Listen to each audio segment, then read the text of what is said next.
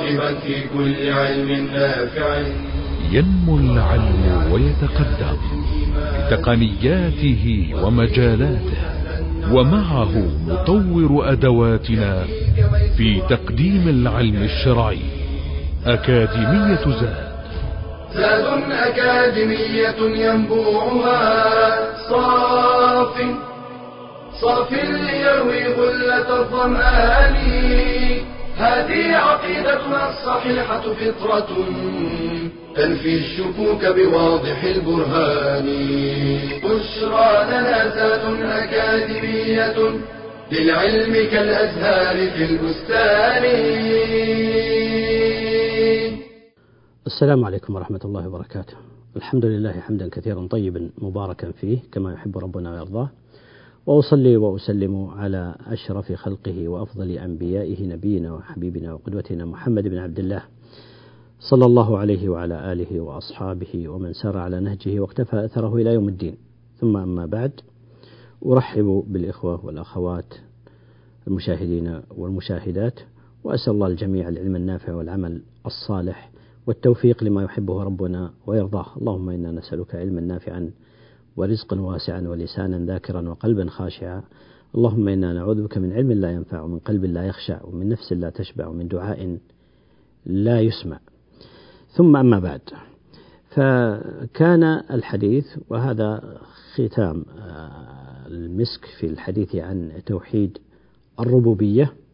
وكان الحديث في السابق عن بعض المسائل المتعلقة بهذا التوحيد. وحديثنا هذا اليوم في هذه المحاضرة عن بعض وليس كل عن بعض الآثار الإيمانية لتوحيد الربوبية.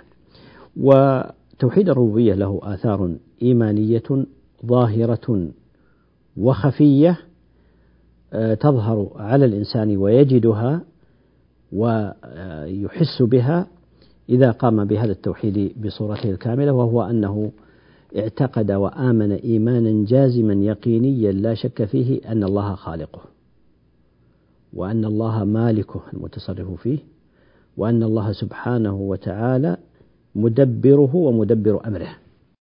فإذا آمن المسلم إيمانا قاطعا جازما بهذا ظهر عليه من آثار هذا الإيمان فوائد كثيرة جدا وثمار عظيمة جدا نشير إلى شيء منها. وأول هذه الآثار هو ذوق طعم الإيمان. ذوق طعم الإيمان. يدل على ذلك قول النبي صلى الله عليه وسلم في الحديث الصحيح الذي أخرجه مسلم في صحيح يقول النبي صلى الله عليه وسلم ذاق طعم الإيمان من رضي بالله ربا.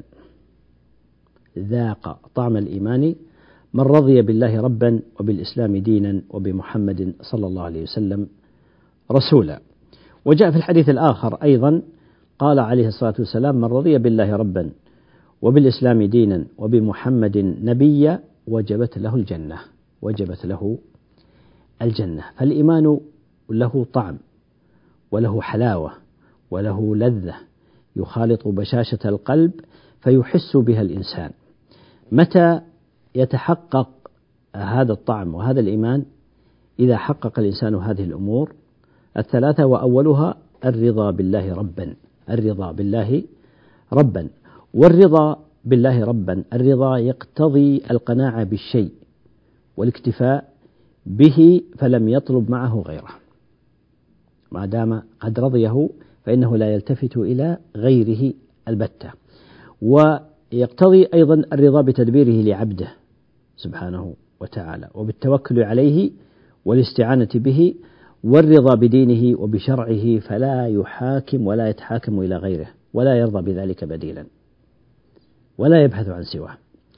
والرضا بالله ربا الرضا هنا نوعان رضا عام وهو ألا يتخذ غير الله ربا ولا غير الإسلام دينا ولا غير محمد صلى الله عليه وسلم نبيا. وهذا شرط في المسلم فلا يكون المسلم مسلما إلا بهذه. ولهذا قال الله عز وجل قل أفغير الله أبغي ربا وهو رب كل شيء سبحانه وتعالى. وهناك الرضا الخاص وهو درجة أعلى من العام وأخص وهي القناعة وعدم الالتفات إلى غير الله سبحانه وتعالى كائنا من كان ولا إلى غير دينه ولا إلى غير نبيه صلى الله عليه وسلم. وهذا هو تمام الإيمان وتمام التوحيد والانقياد لله سبحانه وتعالى آه، يقول ابن القيم رحمه الله تعالى في شرحه لهذا الحديث يقول عن الحديث هذين الحديثين يقول هذان الحديثان عليهما مدار مقامات الدين وإليهما المنتهى وقد تضمن ماذا؟ تضمن الرضا بربوبية الله عز وجل والرضا بألوهيته عز وجل والرضا برسوله صلى الله عليه وسلم والانقياد له والرضا بدينه والتسليم له. قال ومن اجتمعت فيه هذه الأربعة فهو الصديق حقا. من اجتمعت فيه هذه الأربعة فهو الصديق حقا. قال وهي سهلة بالدعوة واللسان وهي من أصعب الأمور عند الحقيقة والامتحان وخاصة إذا جاء ما يخالف هوى النفس ويخالف مراد النفس. فهنا تتحقق العبودية الحقيقية فإذا قدم رضا الله عز وجل وما يلزمه لدينه ونبيه صلى الله عليه وسلم واتباع نبيه صلى الله عليه وسلم فهو المؤمن حقا أما إذا التفت إلى غير ذلك فهذا بقدر التفاته نقص من إيمانه وتوحيده. فالنقطة الأولى هي أن من آثار الإيمان بربوبية الله عز وجل ذوق طعم الإيمان. الثمرة الثانية والأثر الثاني هو حب الله عز وجل. الله المستعان. هو حب الله عز وجل. قال الله عز وجل ومن الناس من يتخذ من دون الله أندادا يحبونهم كحب الله قال والذين آمنوا أشد حبا لله والذين آمنوا أشد حبا لله. ولذلك قال الله عز وجل فسوف يأتي الله بقوم يحبهم ويحبونه من ارتد عن دين الله عز وجل وأدبر ونكص على على عقبيه فإن الله عز وجل يختار ويصطفي من عباده أن يأتي بقوم يحبهم ويحبونه. ومن ثمرة الإيمان الإيمان بالربوبية هنا كما قلنا ذكرنا الأولى في ذوق طعم الإيمان. الثمرة الثانية ذوق حلاوة الإيمان حلاوة الإيمان. وهذه أشار إليها الحديث في قول النبي صلى الله عليه وسلم ثلاث من كن فيه وجد بهن حلاوة الإيمان. وجد بهن حلاوة الإيمان. ما هي حلاوة الإيمان وأين توجد؟ أولها أن يكون الله ورسوله أحب إليه مما سواهما.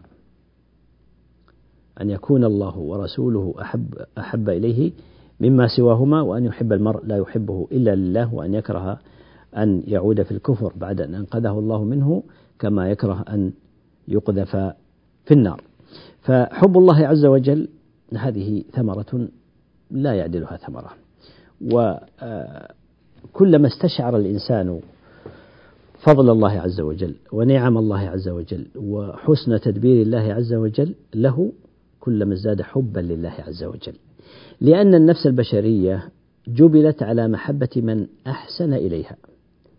والإنسان لا يمكن أن يستغني عن الله عز وجل طرفة عين عن إحسانه وإنعامه وحفظه وكلاءته وتدبيره سبحانه وتعالى. فلذلك كلما عرف الإنسان وأيقن بهذا التوحيد كلما زاد حبه لله سبحانه وتعالى فالنفس مجبولة على محبة من أحسن إليها. وكما قال بعض العلماء الحكماء ليس الشأن أن تحب إنما الشأن أن تحب. فطبيعي أن العبد يحب الله عز وجل لكن أن يحبه الله هذه هي التي لا يمكن أن توزن أو تقدر بقدر. أسأل الله عز وجل أن يرزقنا وإياكم حبه وحب من يحبه وحب كل عمل يقربنا إلى حبه إلى حبه.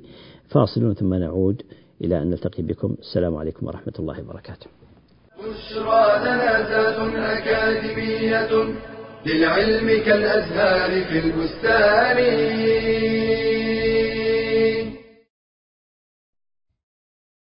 قد وصل بي الحال إلى الغفلة عن الطاعة والتكاسل في أدائها وكأني لا أشتاق إلى جنة ولا أرهب نارا ولا أخشى أن يتخطفني الموت في أي لحظة ولا أدري ماذا أفعل.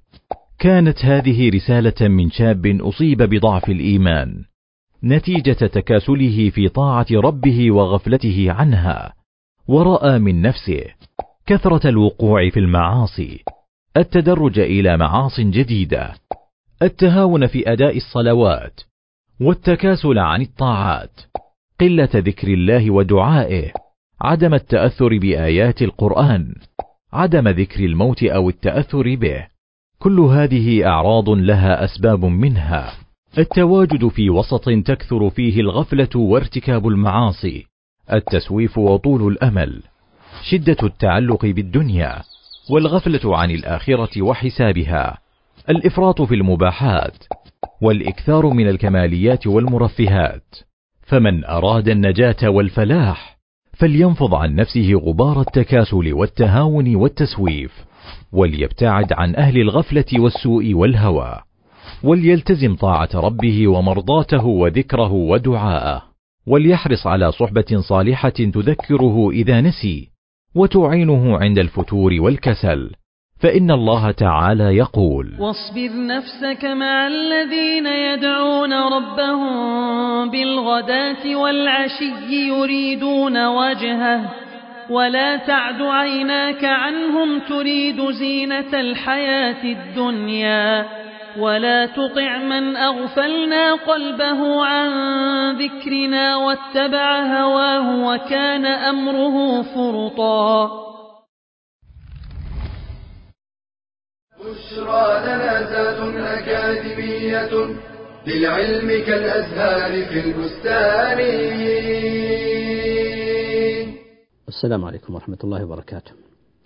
تكلمنا عن الأثر الثاني من آثار الإيمان بتوحيد الربوبية وهي حب الله عز وجل للعبد وهذه هي النهاية التي يعني يعني المطلب الذي لا بعده مطلب. نسأل الله أن يرزقنا حبه وحب من يحبه. الإيمان بالربوبية هو من أكبر أسباب محبة الله سبحانه وتعالى أو محبة العبد لربه كلما استشعر نعم الله عز وجل. فنتأمل في قول الله عز وجل الله الذي خلق السماوات والأرض وأنزل من السماء ماء فأخرج به من الثمرات رزقا لكم. فلا تجعلوا لله أندادا وأنتم تعلمون. الله الذي خلق السماوات والأرض وأنزل من السماء ماء فأخرج به من الثمرات رزقا لكم.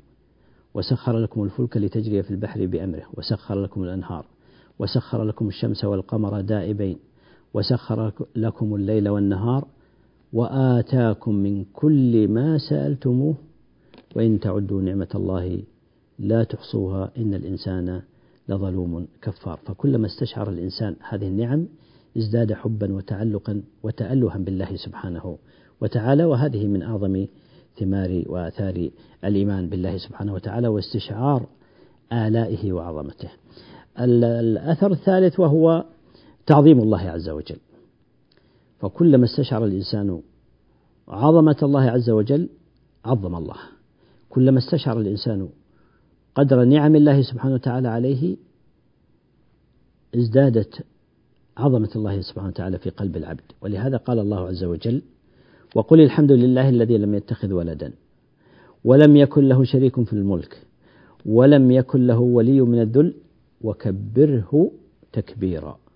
فهو الله سبحانه وتعالى أكبر من كل شيء. تكبيرا يعني عظمه تعظيما عظمه تعظيما.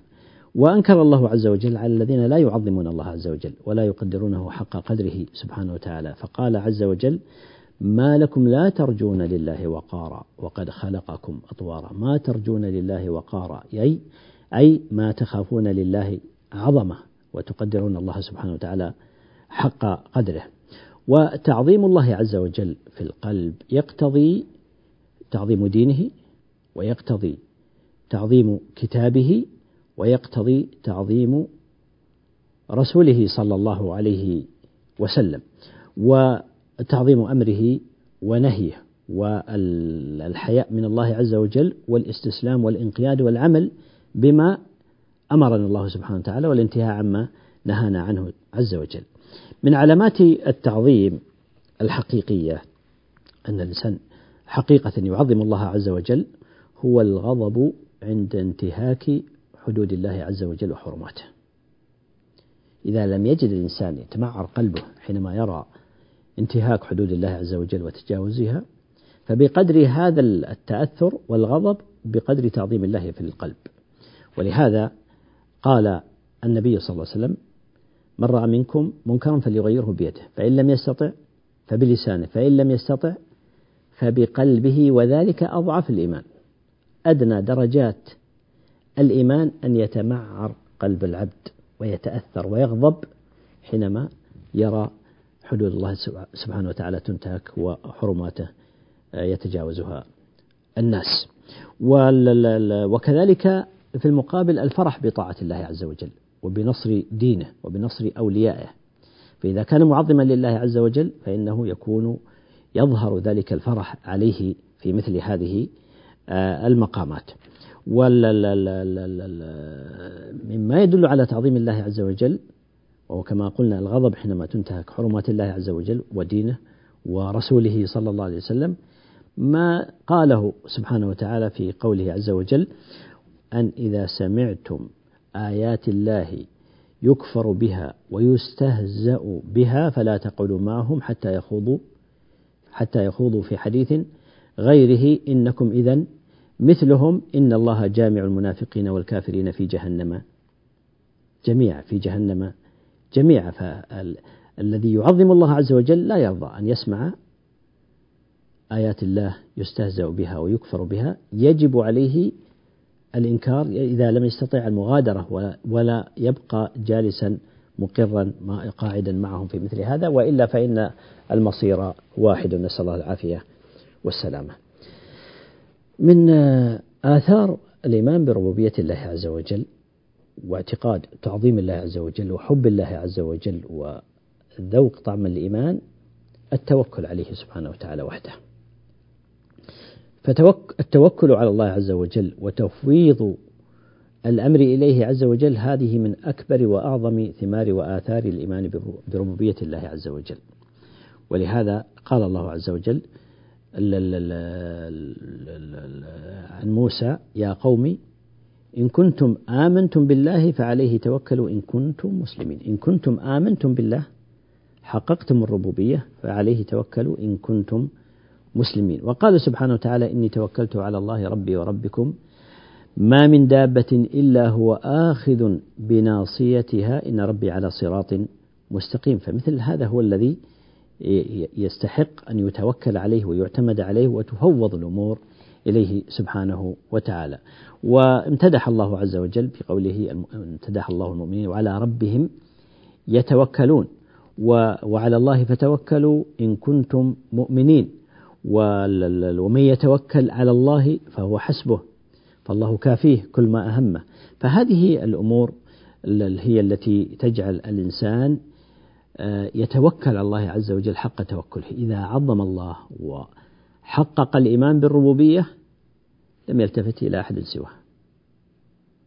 ففوض أموره إلى الله عز وجل وتوكل على الله ومن توكل على الله فالله كافيه والله حسبه سبحانه وتعالى.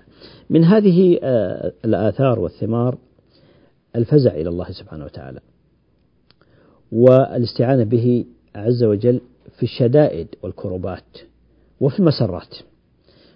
ولهذا يقول الله عز وجل مصورا آه، حال نبينا صلى الله عليه وسلم وصحابته رضوان الله تعالى عليهم أيام بدر وأيام ما حصل لهم.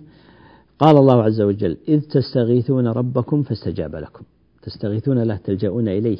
ما دمتم تعلمون أن الله هو الخالق وأن الله هو المدبر وأن المالك فلا يلتفت إلى أحد سواه. إذ تستغيثون ربكم فاستجاب لكم. أني ممدكم بألف من الملائكة مردفين.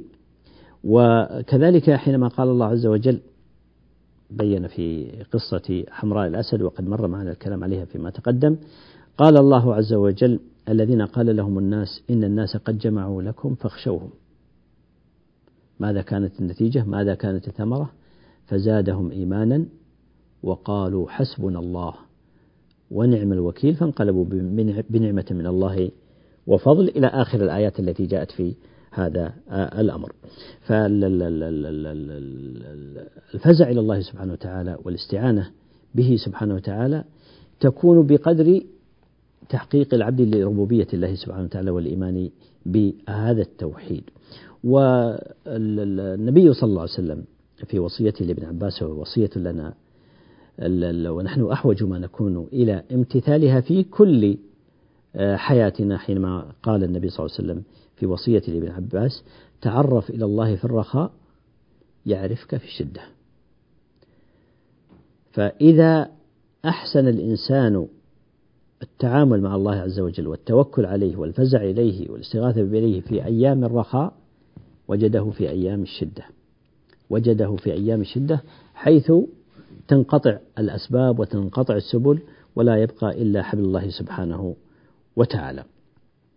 فالفزع إلى الله سبحانه وتعالى والاستعانة به هذه من ثمرات تحقيق الإيمان بربوبية الله عز وجل. من هذه الثمرات أيضا والآثار الإنابة إلى الله عز وجل والانكسار بين يديه عز وجل.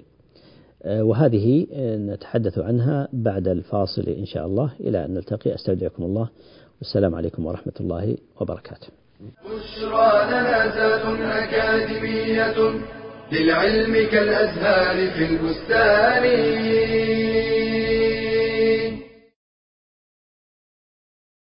الزواج هو الصلة التي ارتضاها الإسلام لإعفاف النساء والرجال واستمرار النسل لمواصلة إعمار الأرض وإصلاحها وهو عقد مودة فيه سكن للنفس وارتياح للقلب. قال تعالى ومن آياته أن خلق لكم من أنفسكم أزواجا لتسكنوا إليها وجعل بينكم مودة ورحمة.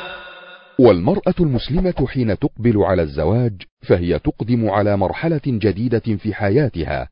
تعد مرحلة مهمة وجليلة الشأن.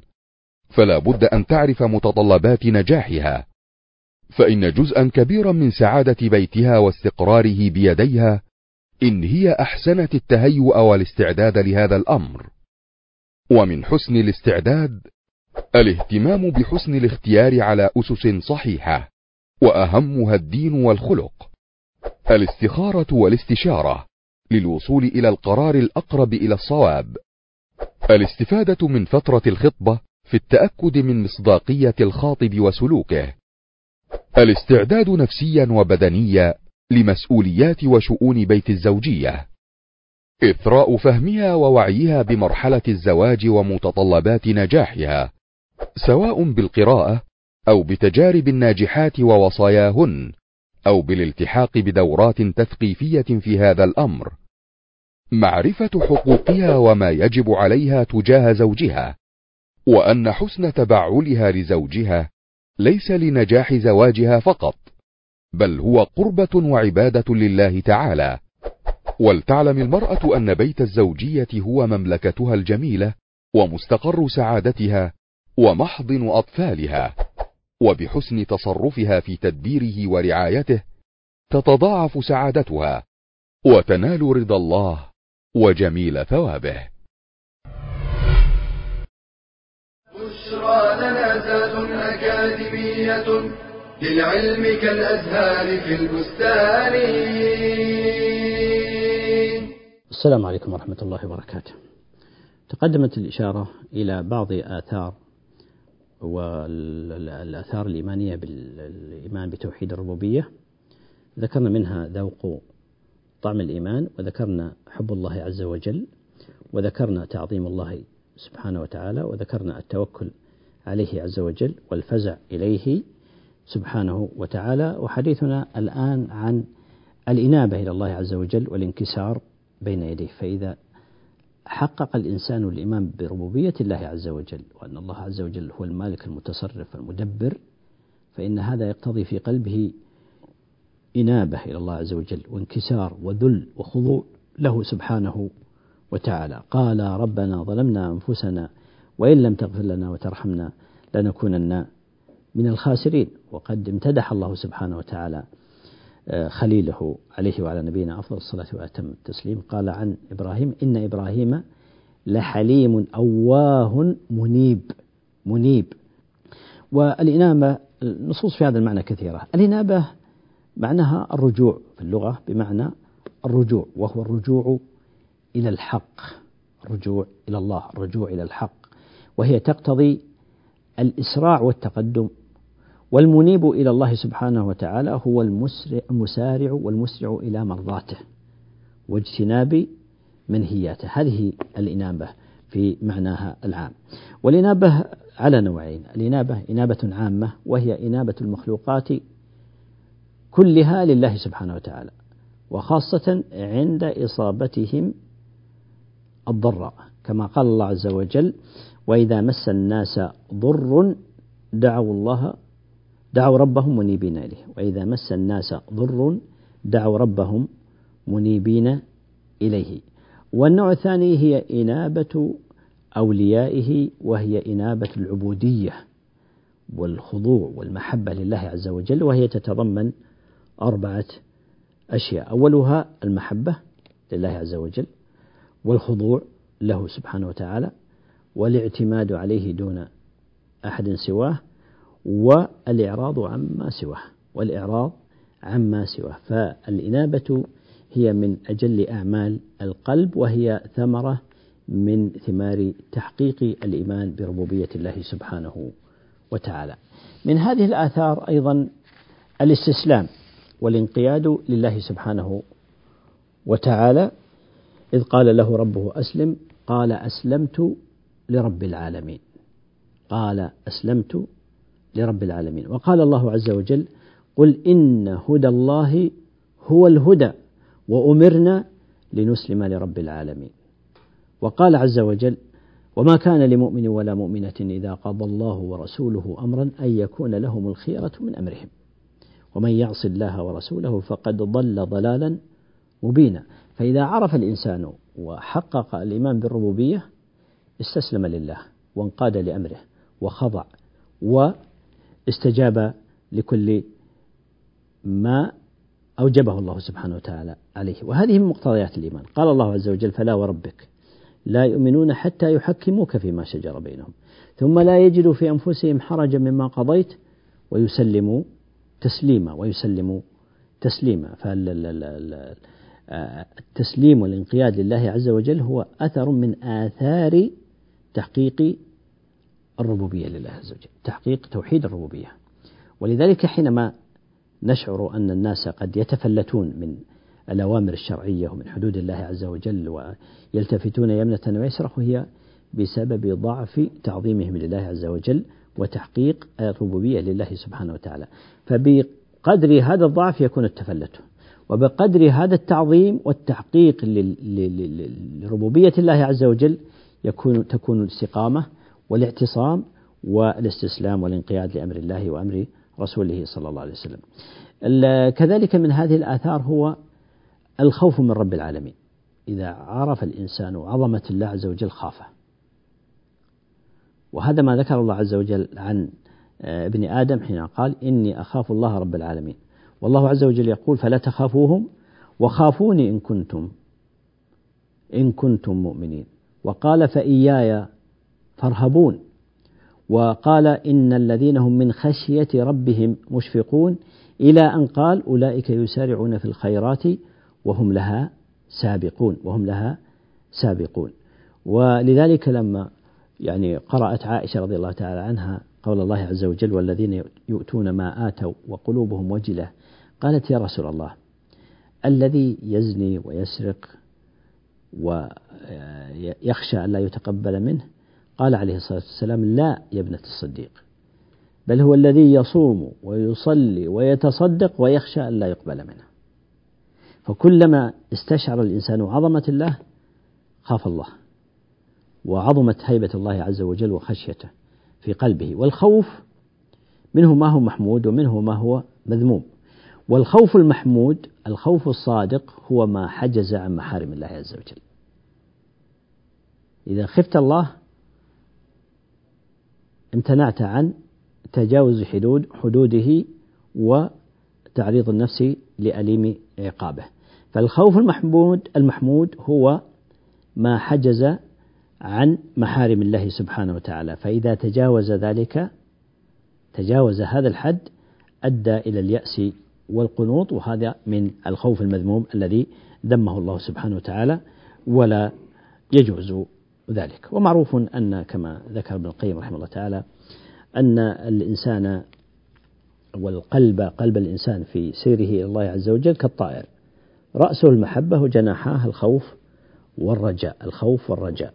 قد يرفع هذا أحيانا وقد يرفع ذلك أحيانا على حسب المقامات والمقتضي في حياته. فإذا سلم للإنسان حبه لله عز وجل وخوفه من الله ورجاه لله عز وجل سلم الطائر وإن انكسر أحد جناحيه كان عرضة لكل كاسر والصائد من هذه الآثار والثمار والكلام فيها يطول تحريك العقول للتفكر في في آلاء الله عز وجل وفي نعمه وفي مخلوقاته عز وجل.